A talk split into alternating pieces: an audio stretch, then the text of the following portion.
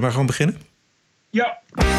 This is the TPO podcast. Wilders slaat terug met aangiftes en... De Kamer moet met een parlementaire enquête dit tot op de bodem uit gaan zoeken. Premier Rutte veroordeelt de topambtenaren van justitie. Dat is echt de schijnende machten, daar moeten we zuiver in zijn. UvA-hoogleraar wil grenzen aan grappen. Humor kan gewoon een heleboel serieuze effecten hebben. En sommige daarvan zijn misschien niet zo goed voor deze open samenleving. En een Brexit-update van Boris himself. Hi folks, a lot has happened this week and I wanted to update you. Aflevering 137. Ranting and Reason. Bert Bresson, Roderick Phalo. This is the award-winning TPO podcast. Het is uh, vandaag maandag 9 september. Twee eilanden, twee uur tijdsverschil. één podcast, de TPO-podcast. Het was hier een prachtige dag aan het strand, Bert. En ik heb een poging tot windsurfen gedaan. En? Ja, het is uh, hartstikke wankel. Ik heb heel lang eerst even gekeken hoe dat al andere mensen dat allemaal doen. En dan denk je dat je de techniek wel begrijpt. maar en dan combineren met die wankelheid op de plank. Ja, dat duurt eventjes. Maar ik ga zeker nog een uh, andere les uh, nemen. Ik moet het een klein beetje onder de knie krijgen, letterlijk, dat windsurfen. Ik heb ja. het ook wel eens gedaan. En, en, terwijl ik kon al zeilen. Dus dat is, dan weet je al uh, wat van wind, zou ik maar zeggen. Maar het is een hele klus. Ja, dat wind. Ja, ja, maar ik heb vandaag dacht ik van, volgens mij is het uh, waar het eigenlijk alleen maar om draait, is het uh, zeil zo goed mogelijk krijgen. En de rest is allemaal ja. bijzaak. Huh? Maar de rest rijdt de hele tijd onder je weg en alles. Ja, exact. Ja. Dat, dat is, het grote gevecht is uh, dat je het moet voor elkaar zien te krijgen dat, dat jij heer en meester bent over dat zeil. Nou goed, zo gaat het een beetje. Wij hebben een vaste luisteraar. Vertel. Die uh, gaat elk jaar naar, naar de Canarische eilanden, naar Tenerife, om dan met zijn met gezin. En die gaat gewoon elke dag minstens vier uur windsurfen. Twee weken lang, elke dag. Ja, en wat is de goede plek op de Canarische eilanden om daar oh, te windsurfen? Is, je hebt hier El Medano op Tenerife. Dat is een hotspot voor windsurfers. En hier vlak bij mij op Gran Canaria heb je Pozo Izquierdo. En windsurf-enthousiasten zegt dat van alles. Want dat is, elk jaar is daar ook de Wereldcup windsurfen. En de, de reden dat het daar populair is, omdat je een baai hebt en altijd heel veel wind. Oké, okay, goed. En golven, dit is natuurlijk Atlantische Oceaan. Ja. Ik heb de deur even dicht gedaan, uh, zoals je hoort. ik zit in een soort van keuken nu. Ik heb een nieuwe opstelling gemaakt. Uh, maar laten we, laten we beginnen, want er is een, we hebben een hoop te bespreken, Bert. Uh, morgen dinsdag uh, gaat het hoger beroep verder in de rechtszaak tegen volksvertegenwoordiger Geert Wilders. De ontwikkelingen gaan hartstikke snel. Het nieuws van vanavond is dat Geert Wilders aangifte gaat doen tegen de officier van justitie en de advocaten-generaal die betrokken zijn bij de strafzaak tegen hem. Zij hebben volgens Wilders valsheid in geschriften gepleegd door uh, in de processen verbaal verklaard te hebben dat er geen overleg is geweest tussen het OM en het ministerie. Maar uit onthullingen van RTL Nieuws blijkt het tegendeel. Voor het besluit tot vervolging, niet na het besluit van vervolging, mag een ministerie van Justitie zich nooit bemoeien met een rechtszaak. Wat hebben ze nu gedaan? Mijn zaak was dus eigenlijk iets wat niet strafbaar is. Ze hebben ervoor gezorgd dat er toch werd vervolgd. Ze hebben gezegd, we willen de stukken zien. Dan kunnen we ze lezen. Dan kunnen we adviezen geven. Ze hebben dat ook gedaan. Ze hebben op inhoudelijke punten gezorgd dat er punten gewoon bij de dagvaarding kwamen. Ik kan dat niet anders dan dat concluderen. Nou, dat gebeurt in, in, het, in, in Rusland nog niet, dat gebeurt in Cuba nog niet. Dit deze rechtszaak moet nu stoppen. En de Kamer moet, um, want vandaag ben ik het, morgen kan het anders zijn, met een parlementaire enquête dit tot op de bodem uit gaan zoeken. Juist. Geert Wilders wil dus een parlementaire enquête naar de totstandkoming van deze rechtszaak. En ambtenaren en politici die kunnen hun borst nat maken, al dus Wilders uh, vanavond. Bert, wat vind jij van de snelle ontwikkeling? Ik ja, eigenlijk niet, niet geheel onverwacht. Zeg van de week al uh, Wilders twitteren dat hij uh, schokkende nieuwe dingen had. Schokkende nieuwe documenten. En dat was dus dit. En ja, we zaten een beetje op te wachten. Hè, want we wisten dat, dat RTL nog meer zou gaan krijgen. ja. Het is, uh, het is uh, wat, je, wat je verwacht van uh, de Bananenrepubliek Nederland tot nu toe. Het is natuurlijk al vanaf het begin af aan is het balletje naar beneden gerold en het blijft maar doorrollen. Dus dit werkt ook geen verwachting. Alhoewel je toch Ik moest toch wel even eh, twee keer lezen eigenlijk. Vooral ook het feit dat het gewoon dus uh, topambtenaren zijn binnen het ministerie... die gewoon op eigen ja, gevoel, eigenlijk bijna onderbuikgevoel... hebben gezegd van ja, dit zijn uh, kwaadaardige en racistische uitspraken. We gaan gewoon het OM even helpen met aanwijzen hoe we deze Wilders ja. zo hard mogelijk kunnen tackelen. En ja, ik, dat geeft, ik, ik, ik geef heel erg een idee van een, van een bijna grenzeloze macht... die kennelijk sommige mensen dan hebben. Die, die dus niet zo gecheckt wordt. Of uiteindelijk nu dus wel. Maar het is nog maar de vraag of dat een beetje. Alhoewel ik geloof dat uh, nu toch wel de meeste oppositiepartijen best wel piswoest zijn. Ja, uh, D66, coalitiepartij en de oppositiefracties van de Partij van de Arbeid en de SP. Die willen weten of Rutte het, het vervolgen van Wilders destijds heeft besproken met zijn partijgenoot VVD-minister Opstelten van Justitie. Onder wiens leiding dit allemaal gebeurd is. En hij is politiek uh, verantwoordelijk voor wat zich daar afspeelt op dat um, ministerie. Dus uh, dat, dat, dat, die, die staart wordt alleen maar dikker. De advocaat van Wilders, Knoops, die gaat morgen dinsdag dus aan het Hof opnieuw vragen of het proces kan yep. stoppen. Uh, de vraag is nog even of dat ook daadwerkelijk gaat gebeuren. Dat vind ik ingewikkeld. Wat denk jij? Uh, volgens mij, ja. Ik, maar goed, dus vorige keer zeiden we ook al... het is bijna onmogelijk om verder te gaan. En het gaat gewoon verder. En volgens mij is het probleem heel erg nu nog... Uh, dat, de, dat, dat de bewijzen zijn dat die ambtenaren dat hebben gedaan. Maar het is nog altijd geen hard bewijs... dat die minister zelf zich daarmee heeft bemoeid. Wat voor de rechter wel een reden kan zijn... om uh, als vooralsnog die zaak gewoon voor te zetten. Waarom? Waarom zou dat zo zijn? Want... Uh, uh, ambtenaren mogen dit niet. Hè? Dit is volgens mij. Is nou, dat... dat... is. Kijk, het probleem is dat het uh, nogal op de scheidslijn zit van wat ambtenaren wel en niet mogen. Mm -hmm. Kijk, het, het, het, probleem is dat die minister doet dat, moet dat inderdaad, moet alle schijn voorkomen. maar ja, je werkt met, met heel veel ambtenaren, dat, dat kan niet anders. die met elkaar in contact staan. Die moeten ook zoveel mogelijk schijn vermijden. Maar de vraag is dan. Uh, wanneer is het zo? Weet je, wanneer is het zo dat die bemoeienis te ver gaat? Want ja, je kan dus niet voorkomen dat er enige bemoeienis is op zeker moment. En je kan niet uh, al, je, al je ambtenaren uh, op, op draconische wijze controleren. Dus daar is communicatie. Dus wordt er wat in mailtjes gezet. En, en ja, goed, kijk, ik las zelfs in de Volkskrant nu allemaal hoogleraren ja. en oud-hoogleraren die zeggen: dit gaat wel echt serieus een grens over. Ja. Uh, maar goed, dat, wat je dan krijgt, dat is wat het rechtshof of de rechter vorige keer ook zei: van ja, uh, we, we, gaan eerst die zaak afmaken en daarna gaan ja. we kijken. En omdat die rechter zegt. De, daarna gaan we van, kijken of die zaak goed precies. is aangeleverd. Ja, precies. Omdat die rechter zegt van. Tenzij, echt zeker, tenzij we echt zeker weten dat die minister uh, hiervoor echt helemaal verantwoordelijk is, die opdracht heeft gegeven tot de vervolging, dus zo erg heeft bemoeid uh, uh, dat dat de reden is dat jij hier zit. tenzij dat duidelijk is, kun, staat die rechtszaak staat daar los van. Ja. wat niet los wegneemt dat je dus daarna inderdaad kunt gaan kijken wat er allemaal mis is. Dus tenminste, dat is wat ik begrijp van, van wat ik erover heb gelezen. Ik ben ook geen rechtsstaatdeskundige. Ja. Maar je zou zeggen, maar goed, dat hebben we dus de vorige keer ook al.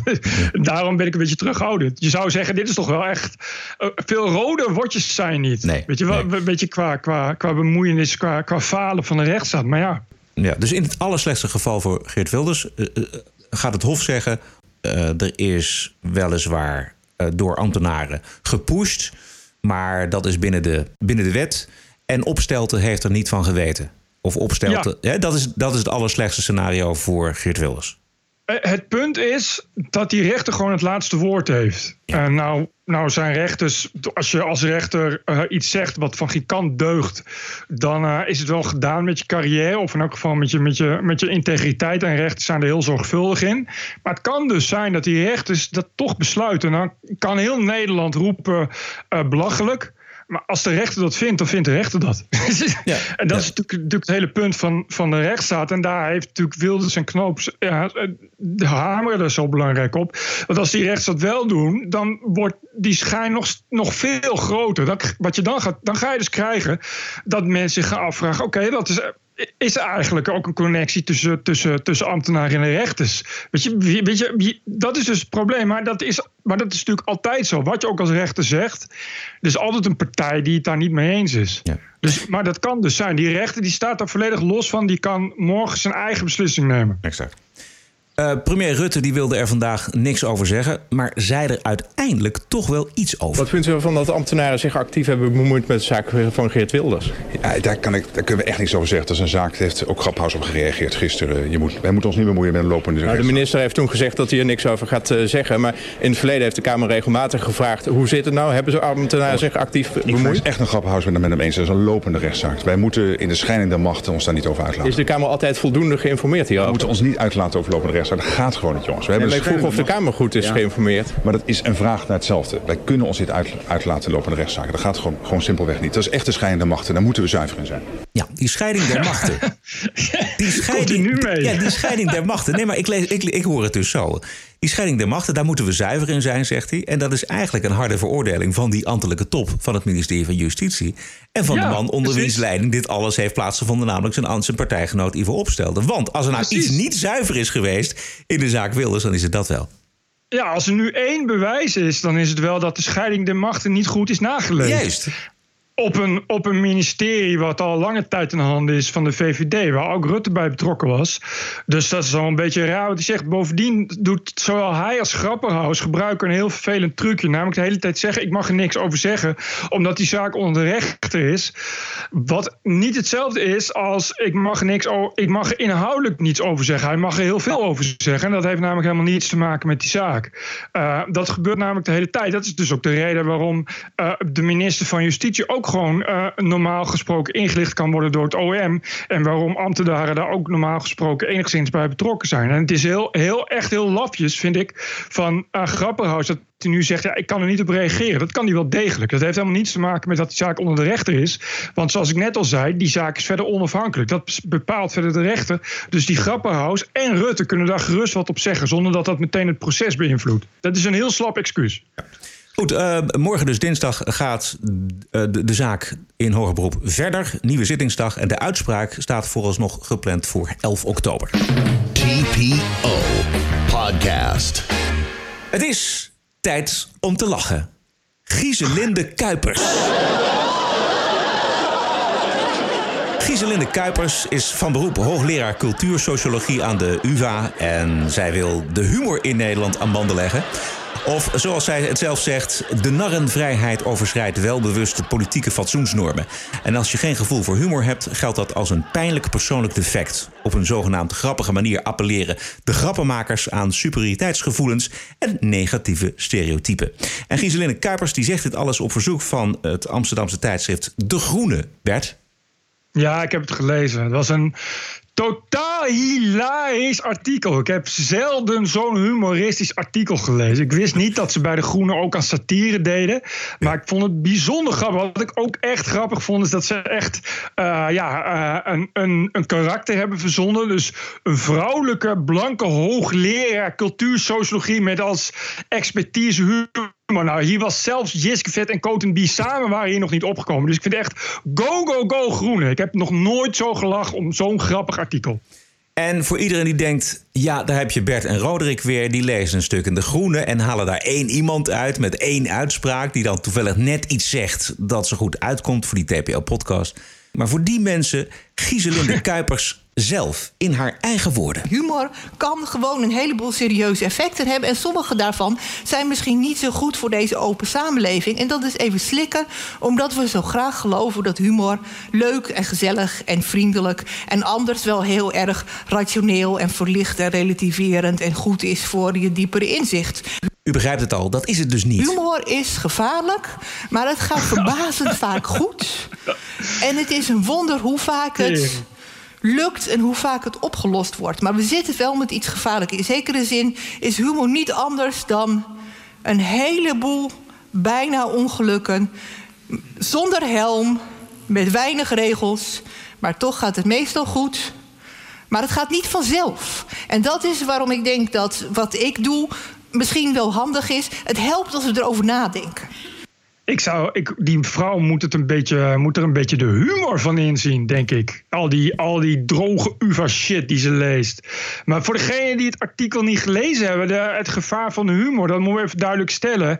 Je begrijpt dat dat vooral uh, schuilt in, uh, ja, in uh, alt-right en uh, populisme en extreem rechts. Zoals er zijn Thierry Baudet, FVD, Thierry Baudet, FVD, Annabel Nannega, Thierry Baudet, FVD en Annabel Nannega. Want daar worden natuurlijk uh, door deze mevrouw allerlei voorbeelden genoemd die in het van humor uh, ik, sorry, ik bedoel kwetsende, polariserende humor die de maatschappij uit elkaar drijft. Die in het verleden zijn uh, misbruikt door mensen als Annabel Nannega, Thierry Baudet van het FVD. Had ik het FVD al genoemd? Ja, ja. dat is dus een hele gevaarlijke, hele gevaarlijke club.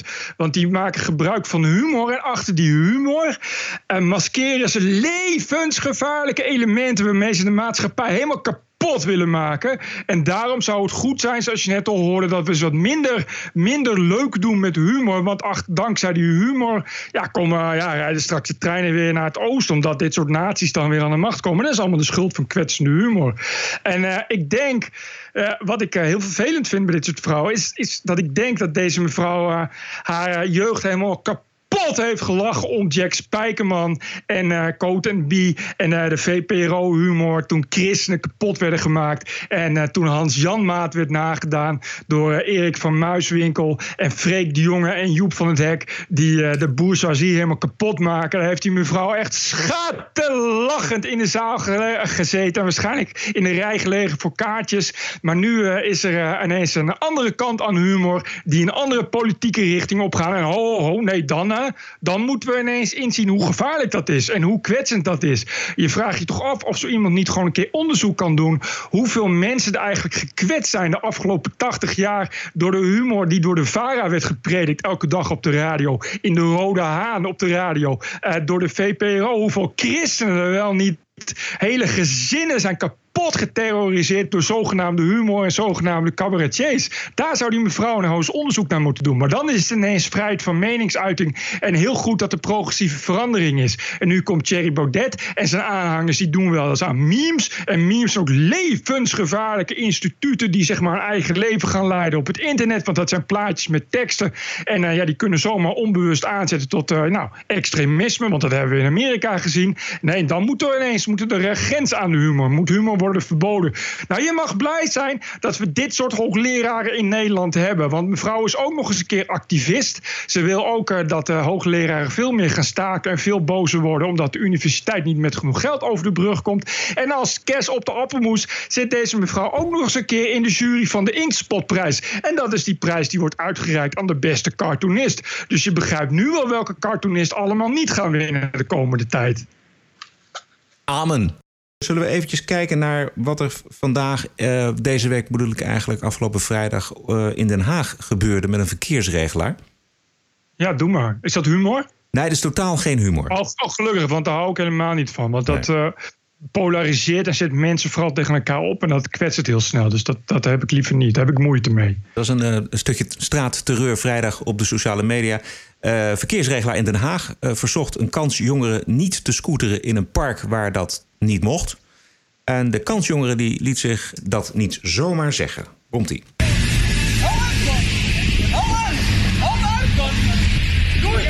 Haal uit, zegt hij, doe iets, man. Niet aan me zitten.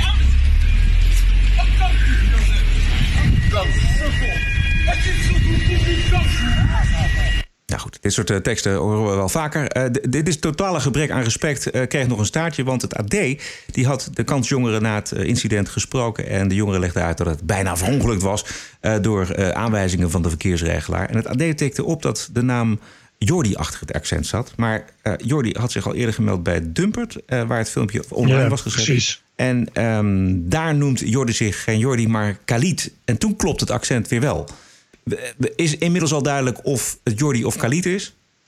Weet ik niet. Maar ik, ik heb, hij heeft mij ook gemaild. Want uh, ik had het filmpje uh, als eerste online. Want het was van Tom Cruise van ongecensureerd.nl. Ja. Toen had het nog 100 lezers. Dus toen had ik het online gezet. Toen had het meer uh, kijkers. En toen heeft Dumpert het opgepikt. En vervolgens ging het viraal en kwam het in de Telegraaf. Dus toen keek heel Nederland het. En hij mailde mij precies hetzelfde verhaal. En toen heette die inderdaad al Jordi. Dus hij had natuurlijk al geleerd. Want Dumpert had ook zijn mailtje online gezet. Inderdaad ja. met de vraag. Is het nou van...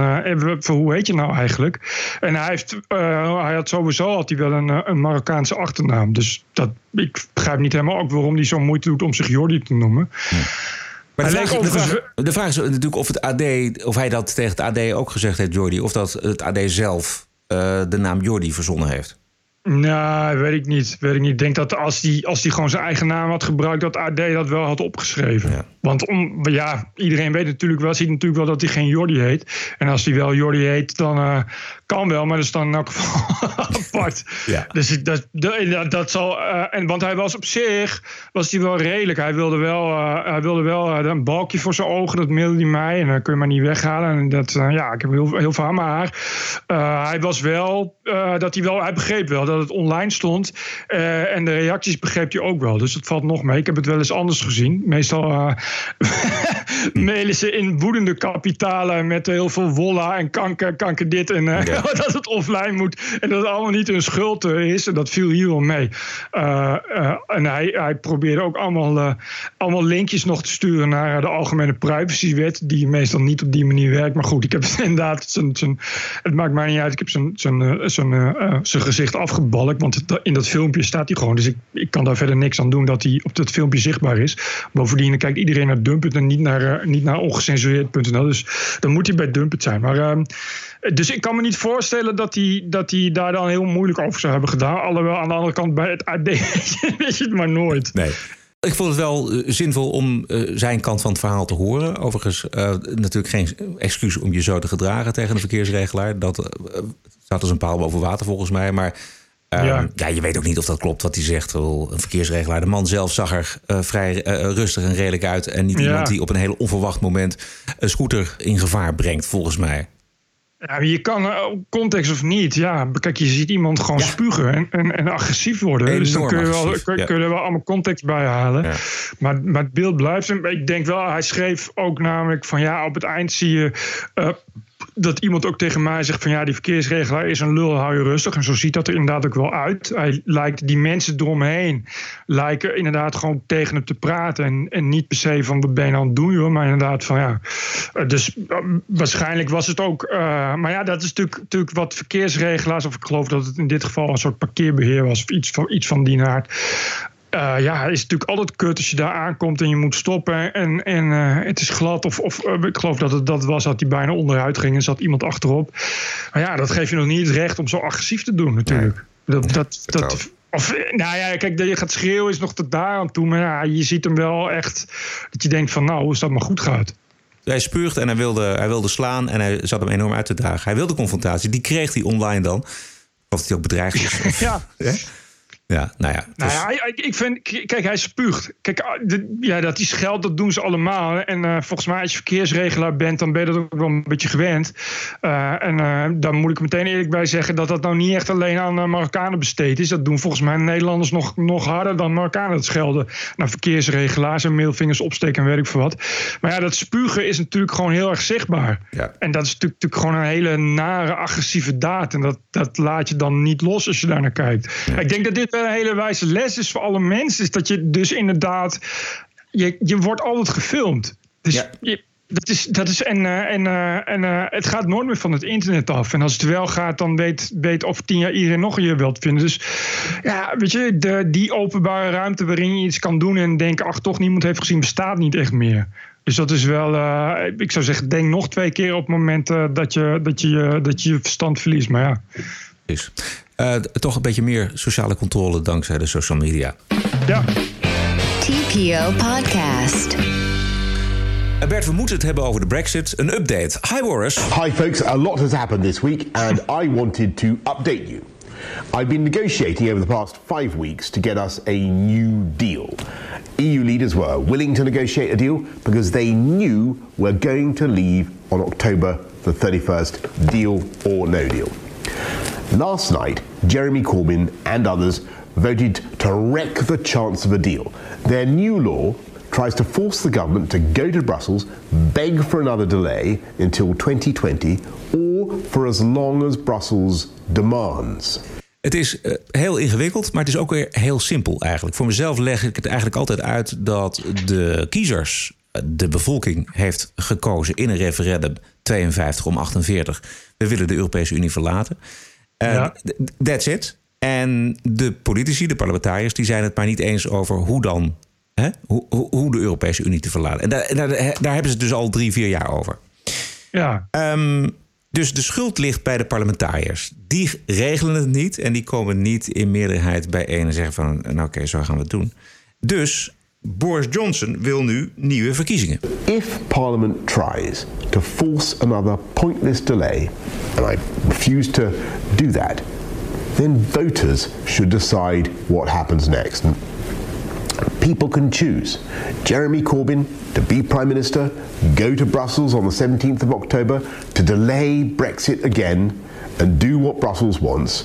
Or people can choose me to go to Brussels on the 17th of October, try to negotiate a new deal, and I'm confident that I can, but to leave on the 31st of October in all circumstances so that the country can move on.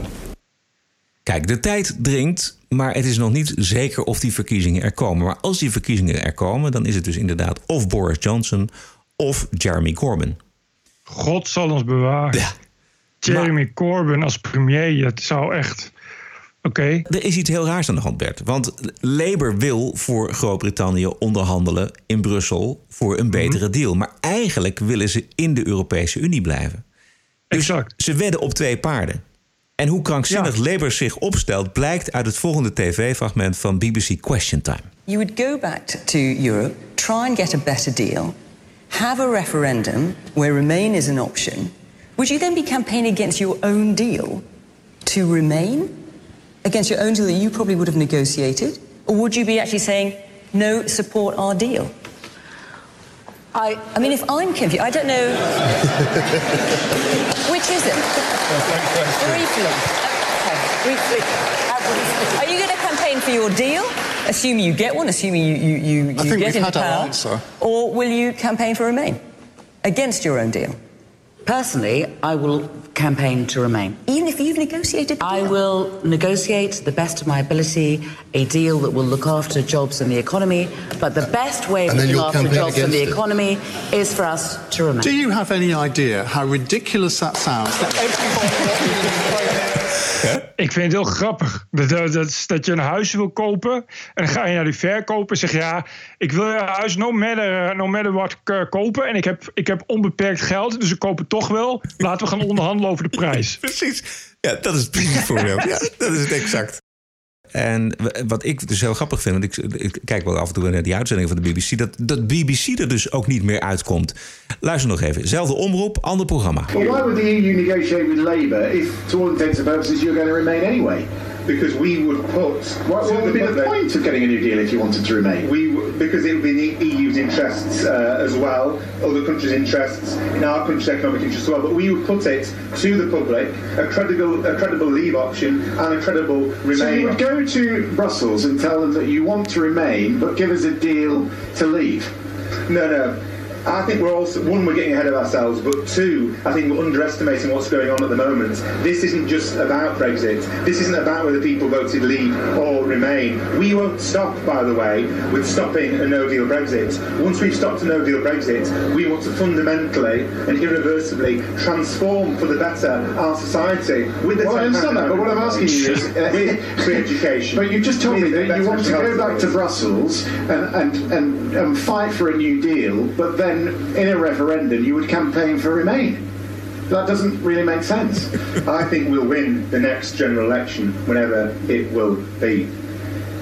When we Nee, het is, het is niet te trekken gewoon. Ja, oké. Maar ik- ja, het is typisch Labour ook. Ik, ik hoorde in dat gesprek Gasten net zijn ook. de dat- weg kwijt, jongen. Ja, dat is, dan hoor je, hoor je dat het daarna... Daarna gaan we de maatschappij hervormen. Ik, ik vraag me ook af in welke maatschappij ze voor ogen hebben. Want het is... Als- Remain, als je gaat naar Brussel gaat en je gaat zeggen, zeggen in je fluistert in, we willen toch wel Remain. Dus dan krijg je geen deal en dan gaat Brussel alles op alles zetten om Remain te doen. Net als, net als Labour, wat dan uitkomt op een nog grotere chaos. Uh, uh, en misschien nog wel een nieuw referendum, waarop dan blijkt dat in het nieuwe referendum mensen toch weer willen blijven. Wat dan er weer voor zorgt dat de helft van het land, zeg maar, we zouden juist weggaan, die dan weer een nieuw referendum eisen. Waaruit dan weer gaat blijken dat ze toch. Weet je, dus het is een, per definitie een chaos, uh, chaos in wording. Maar wat, ik, ik moet zeggen dat ik het ook weer niet zo heel goed volg. Dus hoe, hoe is de stand nu? Want wanneer, wanneer weten we of er al, al dan niet nieuwe verkiezingen komen? Of wat gaat Boris nu doen? Ja, ik geloof dat Boris nu in Ierland zit, as we speak. En daar heeft hij een gesprek over die, ja, het grote struikelblok, blok, namelijk de uh, Ierse grens met, met Noord-Ierland. Het verandert iedere dag volgens mij. Uh, dit is de laatste stand van zaken. En uh, het is nog even ja, afwachten. Ja, precies. Ja. Uh, verlang je ook zo terug naar, naar, naar, Winston Churchill en Thatcher en zo? Ja. Van, van die mensen die een beetje, een beetje leiderschap hadden. Ja. Een, ja. beetje, een beetje ook voort, een beetje voortgang had. Dat er ook echt iets gebeurde. Ja. Waarvan je dan wel achteraf heel dapper allemaal dingen kan zeggen. Maar ja, die Churchill was nou ook niet echt een lievertje. Zeker niet in India, zal ik maar zeggen. Maar ja, Weet je, het was toen het oorlog was, waren er denk ik wel een hoop mensen die dachten van... goh, het is goed dat we nu niet uh, Corbyn aan de macht hebben of zo. Laat ik het zo zeggen. Maar Churchill werd na de oorlog meteen afgezet, hè? dat weet je. Ja, maar goed. Einde van de oorlog, het was klaar en toen had hij zijn werk gedaan. En toen werd hij uh, niet meer herkozen door het Britse volk. Uh, over, over Thatcher gesproken. Ja. er komt een nieuw seizoen van The Crown. Ah. En daar is dus uh, jaren 60, 70. Er zit er ook Thatcher in elk geval in. Uh, en die wordt gespeeld door Gillian Anderson van de X-Files. Uh, dat vind ik een uh, geweldige keus. Ik ben benieuwd hoe ze klinkt uh, met een Brits accent. Maar los daarvan, die had ze op Twitter gezegd... ja, ze had niet eens iets heel positiefs gezegd over Thatcher... maar in elk geval niks negatiefs. Ze was daar heel, heel gematigd en genuanceerd over. En dat mocht dus niet op Twitter. Ach, nee? Je, je, je mag niet... je moet Thatcher is, namelijk, Thatcher is namelijk nazi en Hitler en zo, begrijp je wel? Ach, jezus. Ja, dat wist jij misschien niet, maar daar, die, uh, die Gillian Anderson is meteen helemaal kapot gemaakt. Want, uh, maar door wie? Ook echt, ja, door uh, Dom Links en Esje Wees. Oh. Maar ook echt door BBC-verslaggevers en zo. Die zeiden van, oh, ik ga toch anders naar de Crown kijken nu. En, weet je, oh. ik ga toch anders naar de X-Files kijken. Bert, wanneer, houdt wanneer houdt die onzin eens een keer op? Er, er moet toch op een gegeven moment... Maar, moet toch, nee, aan de overkant serieus. moeten toch eens een keer mensen zijn die zeggen... ja jongens, dit is toch allemaal te idioot voor woorden gewoon. Dit kunnen we nou niet ja, serieus het is, nemen. Het is Twitter. Ik bedoel, Ja, ik, denk niet dat, uh, ik denk niet dat iemand als Gillian Anderson verder heel veel daar, daar wakker van ligt. Zo, maar ik, ik bedoel, te zeggen, ik wist het niet eens. Ik heb altijd ook gewoon, ik heb, wist niet eens dat Thatcher dat die überhaupt fout werd geacht. Maar dat is echt, uh, die moet je als Hitler zien of zoiets. Want uh, ja, dat is niet, uh, niet socialistisch genoeg. Hè? Weet je, mijnen gesloten en ja, opstanden uit elkaar geslagen. Maar wel uh, allemaal aanslagen van de IRA overleefd en toch doorgaan zonder ook maar spier te verrekken. Daar hoor je die mensen dan weer niet over. Um, over goed en fout gesproken. We moeten het eventjes hebben over de firma nu.nl. Uh, want deze Nederlandse nieuwswebsite die heeft uh, andere nieuwsmedia aangegeven bij Facebook als, als niet betrouwbaar. De Facebook-politie. Jezus, Mina. Uh, ik ken wel die hoofdredacteur van nu.nl. Dat is een, ons, dat is een aardige, aardige vet. Ja. Maar dit begrijp ik niet. Nou ja, ik, kijk, het, uh, het is niet, niet helemaal zijn schuld. Het punt is dat ooit iemand bij de overheid uh, uh, en, en binnen de journalistiek heel handig heeft bedacht: van ja, we moeten nepnieuws tegengaan, dus wat gaan we doen? We gaan factchecken. Nou, dat is allemaal leuk en aardig. Maar op het moment dat je daar een commercieel medium als nu.nl uh, voor inzet, dan laat je natuurlijk automatisch de verdenking op je dat je, dat je bevoordeeld bent door de, door de concurrenten uit te schakelen. Oh, wacht even. Dit, dit is dat clubje uh, journalisten, nieuwsorganisaties dat, ja. dat meedoet met wat uh, ja, heeft bedacht. Ja. ja. dit is allemaal van de Ollongren-politie. Oh. Zij, zijn, zij zijn ook daar geweest en zo. En daar is dan dit uitgekomen. Van, ja, we, dit is dan in samenwerking met, uh, met Leiden. Alexander Pleiter en Peter Burger, uh, hoogleraar... die die, die, die, die nepnieuws dingen checkt. En ik moet zeggen dat ze dat voor 90% ook uh, heel aardig doen. En dan gaat het inderdaad ook echt om nepnieuws. Het is niet dat ze nou inderdaad alleen maar linkse dingen willen, willen ontmaskeren... of vanuit de linkse hoek bekijken of zo. En dat, dat, dat nu.nl, we hebben daar vaak een grap over gemaakt... die ontmaskeren toch vooral dingen als dat het niet waar was dat een vrouw jarenlang ja. met een tumor van 300 kilo heeft rondgelopen. dat is onzin. Ja. Maar ja, wat het probleem is, dat, dat, het probleem is, het gaat als volgt. Die dingen komen op Facebook. In dit geval was het een stukje van de Telegraaf. Uh, die komen op Facebook en dan, als er dan genoeg mensen dat bij Facebook aangeven, dan wordt dat doorgestuurd naar die factcheckers. Uh, ja, die, die checken dat dan, die zeggen dan nee, dit klopt niet helemaal. Dit, dit ging dan over, over klimaatdingen, dus dat is een heel grijs gebied. En die zeggen dan, nou, wat ons betreft is het onwaar. En dan komt er zo'n disclaimer bij van uh, dit is gecheckt, dit is nepnieuws. Weet je, terwijl dat is het niet. Het is een andere invalshoek. Ja. Alleen het probleem is, als je dat drie keer, drie keer gebeurt, dan word je door Facebook weggedrukt. En voor een organisatie, Telegraaf, gaat dat heel veel kosten. Weet je wel, als je minder wordt verspreid in mensen hun timeline, ja, dan, terwijl, terwijl nu.nl. Ja, die heeft daar geen last van. En de vraag, die, de verdenking die je dan op je laat, is: ja, ben je nu mensen aan het censureren omdat het je concurrenten zijn? En bovendien, wie checkt dan de factcheckers? Weet je wel, hoe, kom je erbij om te zeggen, ja, nu bij nu.nl weten ze het beter dan bij de Telegraaf of waar dan ook uh, wat de feiten zijn? Zijn dat betere journalisten? Of weet je, waar slaat het nou op? En wie checkt hun dan? Wie checkt dan de factcheckers? Dat als de factcheckers zeggen, ja, dit is nepnieuws, wie checkt dat dan weer? Of dat, of dat allemaal wel klopt en of dat niet biased is? exact. Dus de, de, de, de, zwakte in de hele schakel in het, in het idee. Precies. Precies, ja. ja, ja. Dus ja, hij had dat natuurlijk nooit moeten doen als nu.nl. Want dat, de, je hebt natuurlijk, je legt natuurlijk nog veel minder vertrouwen. Dat is natuurlijk een Sanema-vehikel. Dat is natuurlijk ook wat iedereen zegt. Je zegt van ja, ja, weet je, Sanema, dat is. Uh, dat, daar, daar zijn ze niet zo ethisch. Dus die zullen wel blij zijn als ze de telegraaf kunnen wegduwen. Ja, dat begrijp ik wel dat mensen dat vinden. Ik zou zeggen, volgens mij hadden ze beter gewoon inderdaad. Uh, ja, je moet dan, dan kun je nog beter. Maar goed, dan krijg je ook het probleem. Maar dan kun je het nog beter aan zo'n universiteit overlaten. Ja, waar je natuurlijk ook de vraag kunt stellen van ja, wie checkt die mensen dan? En hoezo hebben die mensen het, het pacht op de waarheid?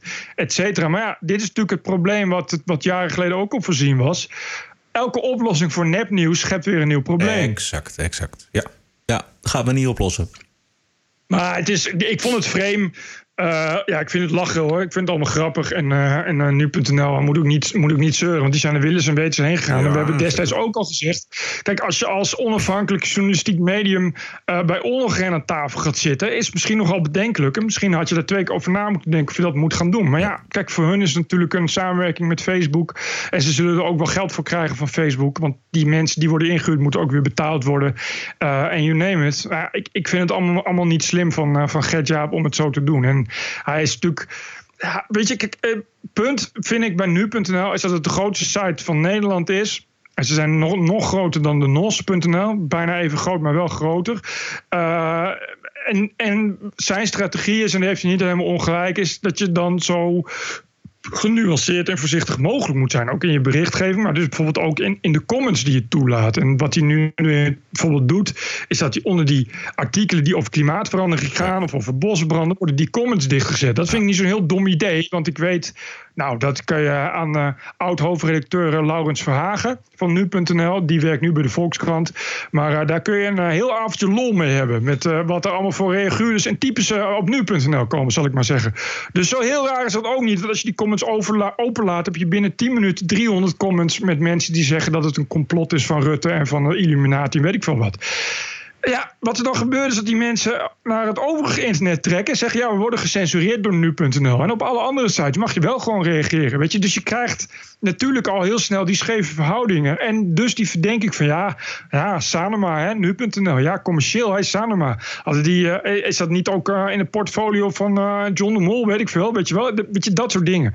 Ja, en dat is natuurlijk, ligt natuurlijk heel gevoelig. Dus ik had, als ik hem was, als ik het ook de uitgever was en, en de hoofdredacteur zet überhaupt je comments uit en hou op met samenwerken op Facebook en weet ik veel wat. Want elke keer dat je, dat je met iemand aan iemand verbindt, laat je heel veel verdenking op je. Duidelijk. This is the TPO podcast. Volgens de Sociaal-Economische Raad zit 70% van de migranten, de immigranten met een verblijfsvergunning, in de bijstand. Maar 17% heeft betaald werk. De voorzitter van de SER, dat is Mariette Hamer, die vindt dat uh, de getallen bedroevend zijn, zeker in een booming economie. Maar je kunt het natuurlijk ook heel anders formuleren. Vluchtelingen met een tijdelijke verblijfsvergunning, zogenaamde statushouders, die komen steeds makkelijker aan het werk. Maar nog lang niet iedereen profiteert ervan. Van de vluchtelingen die sinds 2015 in ons land aankwamen, heeft nu naar schatting 17 procent, 1 op de 5 dus, betaald werk. En dan gaat het vaak om tijdelijke en kleine baantjes die onder het opleidingsniveau van de vluchtelingen liggen. Juist, dit is BNR Nieuwsradio. Niks bedroevend te verwerkt eh, vinden is eh, steeds makkelijker. Ondanks dat het beschikbare werk onder het opleidingsniveau van de vluchtelingen is. Want u weet, naar Nederland komen uitsluitend hoogopgeleide vluchtelingen. Ja, Nou, dit- chirurgen en zo. Ja, ja precies. En apothekers. Eh, dit was eh, op BNR een inleiding naar een gesprek met een van de onderzoekers. En daaruit bleek dat gemeenten en werkgevers zich voor deze statushouders al jaren uit de naad lopen. Ze hebben allerlei trajecten ontwikkeld samen met werkgevers om te kijken van kunnen we nou bijvoorbeeld mensen plaatsen bij een werkgever en tegelijkertijd taalonderwijs geven Ja. of iemand plaatsen en eh, een jobcoach aanstellen. Eh, dus dat soort dingen zijn er allemaal wel. Ja. Maar wij zien in onze monitor dat eh, die arrangementen er wel zijn, maar dat er veel grotere groepen statushouders eigenlijk van zouden moeten kunnen profiteren om ook die stap naar de arbeidsmarkt te maken. Dus de vraag is: wat is nou ondanks alle inspanningen het echte probleem? We zien alleen eh, in de monitor dat eh, eh, gemeenten oordelen dat een hele hoop van de statushouders die op dit moment in hun gemeente wonen, nog niet direct klaar zijn voor die arbeidsmarkt. En daar valt nog een hoop te winnen. We zien bijvoorbeeld dat gemeenten, als je het ze vraagt, een schatting te maken van het percentage statushouders dat gebaat zou zijn bij een opleiding om werk te vinden, dat gemeenten zeggen van nou dat geldt gemiddeld bij ons voor 4 op de 10 statushouders, dus voor 40 procent. Maar in feite stroomt maar 17 procent in in een opleiding. Dus daar valt ook nog veel te winnen. Er valt een hoop te halen. Dank. Ik word Oh, zo dat moe klinkt helemaal niet als een verhaal dat we al heel lang horen. ook. Nee, nee, Ehm, Zeg, je ziet echt dat er progressie in is de afgelopen jaren. Is nul, nul, dat- dat, nul eh, progressie. En de echte vraag wordt natuurlijk niet gesteld. Want het wordt, zij verzinkt in een systeem en het lukt allemaal niet. Weet je wel? Eh, Kijk, het echte probleem is natuurlijk, Bert... eh, dat deze mensen hier in Nederland eigenlijk gewoon niet op hun plaats zijn. Die komen uit een Nee, totaal andere cultuur... en die kunnen of wensen niet mee te doen met, met deze samenleving. Ehm, ondanks alle inspanningen, die mensen komen niet aan de bak. Ik ken een jonge statushouder uit eh, Afghanistan. En die heb ik geholpen. Omdat ik eh, geloof dat deze jongen hier wel kan aarden. Eh De jongen die heet Bashir. En die heeft al jaren gewerkt in Griekenland. In de horeca daar. Hij kwam hierheen vanwege een Nederlands vriendinnetje. Moest de hele procedure door. En in afwachting van een uitspraak werkte hij elke dag in een pizzeria. En vanaf dag één dat hij die status had... zat hij achter zijn studieboeken Nederlands. Maar dit is dus volgens de SER een hele kleine minderheid. Meer dan 70% gaat het niet redden hier in Nederland. Nee. Ja, Maar ook gaat het niet redden. Dus, Nee. dus, dus die is al verloren. Dat zijn een heleboel mensen. Ja, dat zijn ontzettend Maar ga- gaat het dus niet, gaat het niet redden? Weet je, dat is echt. Ja. Terwijl als je nou vanaf het begin af aan eh, tegen die mensen zegt en dus begeleidt van je kan dat wel redden, maar dan gaan we Nederlands leren en een opleiding en zo. Nee, we gaan het niet redden. Ja, dat had je van tevoren kunnen voorzien, omdat dat nou al waarschijnlijk allemaal mensen zijn die het ook thuis niet gaan redden. En die het ook thuis niet gered hebben. Dus die denken, weet je wat, we gaan naar Nederland. Ja, daar krijg je nou ook een uitkering in een huis. Dus hoezo moet ik het überhaupt gaan redden? Ja. De groente en fruit staat te rotten op de velden. Waarom kunnen die Ja. statushouders dat werk niet doen? Samen met Nederlandse bijstandstrekkers. Ja, omdat ze dat eh, niet willen. Daar hebben ze helemaal geen zin in. LTO Nederland roept nu op dat de grenzen verder open moeten... om mensen uit Oost-Europa eh, hier eh, asperges te laten steken. Ja, maar goed, is het niet zo... mogen die statushouders wel werken? Want dat is natuurlijk ook weer iets. Ja, en je hoor. moet dan als werkgever die mensen wel kunnen, in dienst kunnen nemen. Statushouders mogen zeker werken. Oké, nee, ja, precies. Dat, want die hebben dus al een status. Ja, oké. Nee, ja, dit zijn geen, dus, dus niet zelfs asielzoekers. Nee. Nou ja, wat ik, wat ik vertel, die jongen die ik uit Afghanistan ken... ja, die heeft eh, sowieso eh zat hij te wachten. Hij komt uit Griekenland. Hij heeft daar, ik heb hem daar ook ontmoet. Hij heeft daar zeven jaar volgens mij gewacht op Ja. eh, een status. Nou, dat, dat, gaat, dat, dat duurt er eindeloos lang in Griekenland. Ja, ja, ja. En ik heb hem dus ontmoet als ober op een strand, in een strandtent. En daar werkte hij al heel lang. Ja, maar goed, ik, weet je, dat, dat, is- maar dat is volgens mij ook een mentaliteit die, die kreeg ik vroeger ook gewoon mee. Weet je, ik moest ook gewoon werken voor mijn, voor mijn extra zakgeld en vakantiegeld. Dat je dan leerde van ja, als je nu gewoon gaat werken, dan hoeft dus niet, maar dan, moet je maar in de horeca gaan werken of gewoon appels plukken, weet je, in de vakantie. Want als je daar, daar, daarmee bezig bent, dan kom je ook verder. Dan leer je mensen kennen en, en weet je, je moet ergens beginnen. Dus, dus dat, zou, dat is ook een mentaliteit. Maar ja, naar, in Nederland hebben we die mentaliteit mensen ook niet. Dus je hoeft ook niet per se te verwachten dat vluchtelingen die wel hebben. Alleen ik zou wel zeggen dat op het moment dat je naar een ander land gaat, dat je dan die mentaliteit hebt. Dat je daar dan, dan voor gaat zorgen, dat je daar dan alles aan doet. Als je, als je geen, geen baan kan krijgen. Aan de andere kant, ja, ik snap ook wel als je uh, in, in je eigen land uh, kaakchirurg bent, er zijn er natuurlijk wel, maar geen, uh, niet, niet de hele 70% is natuurlijk geen kaakchirurg en apotheker.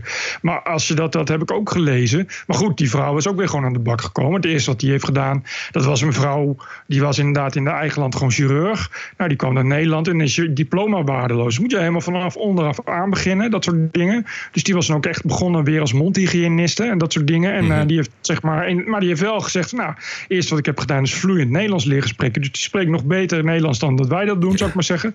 En die is dan weer, en die gaat dan weer gewoon een opleidingstraject in om weer uh, bij te spijkeren, zodat ze bij haar Syrische diploma kaakchirurgie ook een Nederlands chirurg kan worden. Weet je, dat soort, dat soort, dat soort dingen kan het dan, denk ik. Ik geloof niet dat je opnieuw 12 jaar, maar ik weet niet precies hoe dat werkt. Maar ja, je moet er wel wat voor doen. En ik denk dat heel veel mensen dat niet zo hebben. Maar ik denk ook dat heel veel mensen die uh, vluchten ook al kansarm zijn.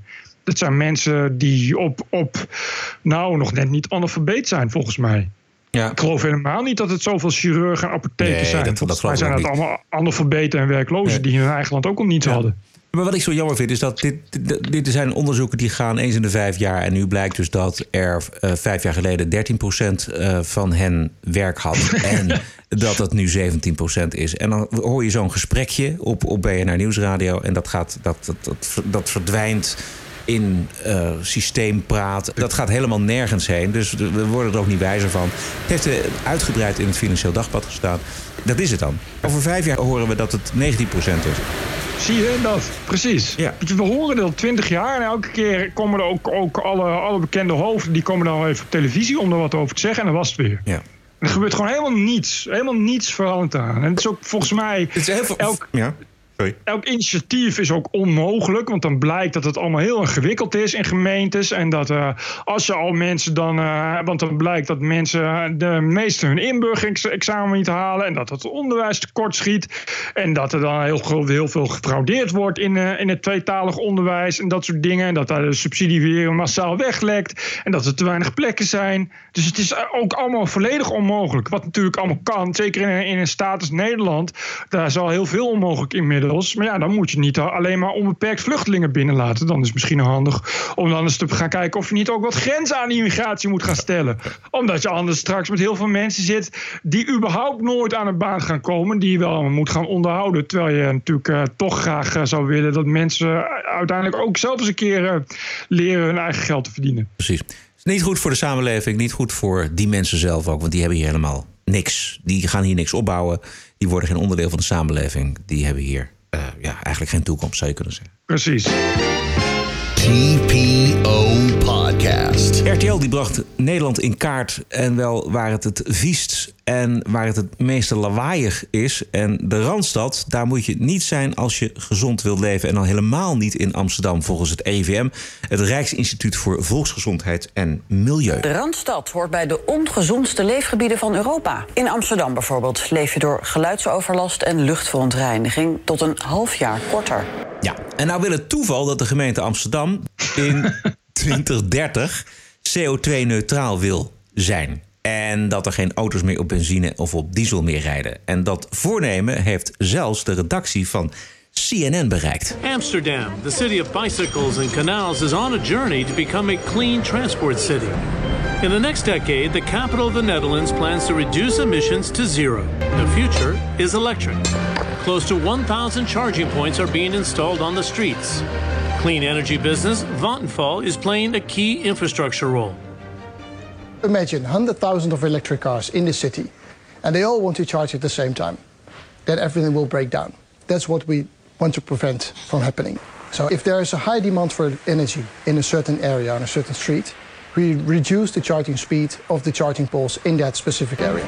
Many taxi and chauffeur services have gone electric, but at a starting price of $25,000, most private car owners cannot afford to make the switch. Eventually, they will have to. We need second-hand electric vehicle cars. So we try to organize discussion with the automotive industry, uh, for instance, the lease companies, how we can organize that if their cars are being sold and be cheaper and available for other people who want to buy an electric vehicle. John Defterius, CNN, Amsterdam. U hoorde het kritische verslag van CNN. Ik en, u, net zeggen. en u hoorde daar ook de wethouder Sharon Dijksma. Die vertelt dat zij met eh, de auto-industrie wil gaan eh, onderhandelen... om de tweedehands elektrische auto's voor een schappelijk prijsje te reserveren... voor man, mensen die in. Amsterdam wonen. En helemaal niks over de onmogelijkheid van dit soort dagdromerij. Helemaal niks over de bevoorrading van de winkels. En dit is ook CNN. Het leek wel echt een soort polygoonjournaal voor, voor de VVD Amsterdam. Ja, Zoiets. ik dacht, Dat je echt iets waar je een dan, editorial aan- was het volgens mij inderdaad. Ja, in samenwerking precies. met, eh, met de gemeente Amsterdam en Vattenfall, de elektriciteitsmaatschappij. Het is echt zo'n zo'n zo'n zo'n filmpitch van City Marketing Amsterdam. Die je dan inderdaad in Amerika aan je, aan, aan je, aan je investeerders even laat zien. Zoiets. Onvoorstelbaar. Maar ja, Jezus, de, dat hele verhaal van het RIVM is ook niet helemaal, helemaal 100% hoor. Nee. Dat, dat, dat, dat gedoe over, over dat wel, of niet lange leven, dat is eh, echt allemaal zwaar omstreden. Dat, dat zijn allemaal metingen die, die, eh, waar, ja, waar heel veel wetenschappers nog wel eh, wat vraagtekens bij kunnen Ja, zetten. het waren allemaal schattingen Omdat- van het RIVM. ja, maar dit is, je kan dat niet zo één op één schatten. Dan krijg je dus inderdaad alsof, als je dan lange duur in Amsterdam woont, je door dat inademen van, van fijnstof en weet ik veel wat, alsof je dan drie maanden eh, minder leeft. Maar zo werkt het niet. Weet je, het is natuurlijk ingewikkelder dan dat. Dus het is allemaal heel. En ik vond het wel een beetje dat ik dacht van ja, het lijkt een beetje ingestoken. Dus om Ja. toch een beetje extra push te zetten op het feit nou, dat dus die, die, die eh, elektrische industrie ontwikkeld moet worden. En dat we inderdaad eh, die, die, die klimaatdoelen mo- moeten gaan halen. En ja, komt natuurlijk wel heel erg fijn uit als je mensen lekker bang kan maken. Door, nou, als je in Amsterdam gaat wonen, dan vergeet het dan maar. Weet je, ik, Nou ja, ik, kijk, ik als je ben daar naar- heel sceptisch Ja, over. dat, hoor. dat, dat begrijp ik. Dat, de, maar als je kijkt naar de verschillen, dan begrijp ik het wel. Je zag natuurlijk heel erg rondom Schiphol, daar is het eh, eh, minder Hmm. gezond wonen. Dat kan, ik, dat kan een kind kan dat uitrekenen dan bijvoorbeeld in Friesland of in Drenthe. Dus de verschillen zijn wel groot. En ik heb ook wel vaker gelezen dat Nederland het wat, wat, wat, wat CO2 en wat stik- stikstof betreft, gewoon eh, toch in vergelijking met de rest van Europa. Eh, niet zo goed doet. En dat komt omdat we heel lang op gas hebben gestookt natuurlijk. En laten we niet vergeten dat de Randstad en Nederland in het algemeen... natuurlijk een van de meest dichtbevolkte gebieden van de wereld zijn. Dus hoe meer mensen bij elkaar, ja, hoe, hoe viezer de lucht, dat, dat, dat spreekt voor zich. Ja, maar gelukkig hebben we nu 18.000 bouwprojecten die niet door mogen Ja, gaan vanwege exact. de nieuwe Tenzij, stikstofwetgeving. tenzij, het tenzij, wel allemaal goed. ja, tenzij de veestapel eh, wordt gehalveerd. En dat is een idee van D66. Ja. Dat, ik vind, eh, dat vond ik weer een heel mooi D66-idee. Ik kan me herinneren dat eh eh, Laurens-Jan Brinkhorst... ook een D66 heel goed wist hoe je veestapels moet halveren. Dat gaat namelijk met mobiele gaskamers en grijpers tegelijk. Dus ik ben benieuwd of we dat soort beelden straks opnieuw eh, weer eh, kunnen zien... met dank aan D66. We gaan naar Amerika, Bert. Yeah! This is CNN Breaking News. Donald Trump is not going to be president of the United States. Welcome to Morning Joe. Mr. President, if there is no collusion. The government shutdown is now in week four. Today was not just like a normal stormy day in the news. This is not just my opinion. TPO Podcast. This is evidence. Het meest opzienbarende nieuws uit Amerika was dat de Taliban een uitnodiging had voor het buitenverblijf van de Amerikaanse president Camp David. Daar zijn al eerder wonderen verricht, maar eh, het commentaar eh, van de neocons, dat is zijn zeg maar de oorloghitsers in zowel de eh, Democratische als in de Republikeinse partij. Dat commentaar was vooral hoe durft Trump iets af te spreken met de Taliban en nog wel rond 11 september. Maar toevallig had de Amerikaanse president Trump wel een hele goede reden om de Taliban te ontmoeten. Luister maar naar de minister van Buitenlandse Zaken, Mike Pompeo. Uh, we wanted to do everything we could to reduce risk to the United States, that we would not have terror strike the United States from Afghanistan as it did on 9 11, and we would never give up protecting the American people. But at the same time, uh, we wanted to make sure we got the force posture right, that you know, the 30 plus billion dollars a year that we're spending there is not a sustainable model, and he wanted to reduce that. Uh, so we entered negotiations with the Afghan government. We've worked closely with President Ghani over the past months. We've worked with other Afghan leaders. We've worked with the Taliban to try and uh, get the Taliban to commit to reducing violence. They had committed to doing so. To get them to uh, agree to talk to their other Afghan, Afghan brothers and sisters, something that multiple administrations have tried to do for goodness, 15 plus years now. We had that. Uh, and to get them to make a public commitment to break with Al Qaeda, something that as far back as uh, the Bush administration, Americans had been trying to get. We got that too. But it's going to take more than words. As President Trump demonstrated, if, if the Taliban can't live up to their commitments, if they're going to continue to do the things that they've been doing, and Mhm. as we approach this uh, decision point in the discussions with the Afghans, they blow up and blow up Kabul and kill an American. Uh, President Trump will never do that. Ze waren redelijk dichtbij, om het zo, hè, als ik zo naar Pompeo luister. Ja. Eh, die oorlog eh, met de Taliban die kost de Amerikaanse belastingbetaler eh, meer dan 30 miljard dollar per jaar. En ieder jaar eh, Amerikaanse soldatenlevens. Eh, Trump heeft beloofd dat daarmee gestopt gaat worden. Je ziet dezelfde aanpak in Noord-Korea. Heel onconventioneel. Ehm, hij gaat gewoon praten en kijken hoe ver hij komt. Hij kan onderhandelen. Laten we daar. eh, Juist. Dat kan niet gewoon goed. Ehm, maar dat gaat niet in één keer helemaal goed. Maar ik vond het wel weer opvallend hoe ehm, de, de neoconservatives in die Amerikaanse politiek onmiddellijk erbovenop zaten. Want die zien natuurlijk die manschappen vertrekken uit, uit Ja, die willen oorlog. En die willen alleen maar oorlog, precies. Die verdienen aan de oorlog. Ja. Eh, dat zijn de laatste inderdaad die, eh, die, die, die, die willen dat je nog eens een keer ook vrede gaat sluiten. Het is gewoon een vijand en die moet je uitroeien. En als het even mee zit. Zo lang mogelijk, zodat je er zoveel mogelijk aan kunt verdienen. Tot zover aflevering 137. Denkt u wat een prettig, zinvol, amusant geluid is dit. Ik betaal kijk- en luistergeld aan de publieke omroep, maar ik vind dit minstens zo leuk. Waarderen en doneren kan op tpo.nl slash podcast. We zijn weer terug dinsdag 17 september. Heb een mooie week en tot dinsdag. Heb een mooie week. TPO Podcast. Bert Bruson, Roderick Balo, Ranting and Reason.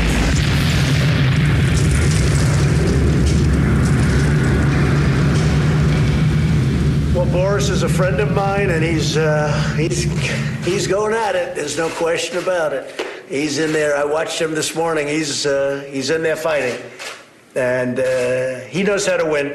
Boris knows how to win. Don't worry about him. He's going to be okay. Podcasting is the TPO podcast in the Netherlands. Bert and Roderick. What a show. I'm telling you. Je hebt mijn kinderen net wakker gemaakt. Je bent niet goed bij je hoofd.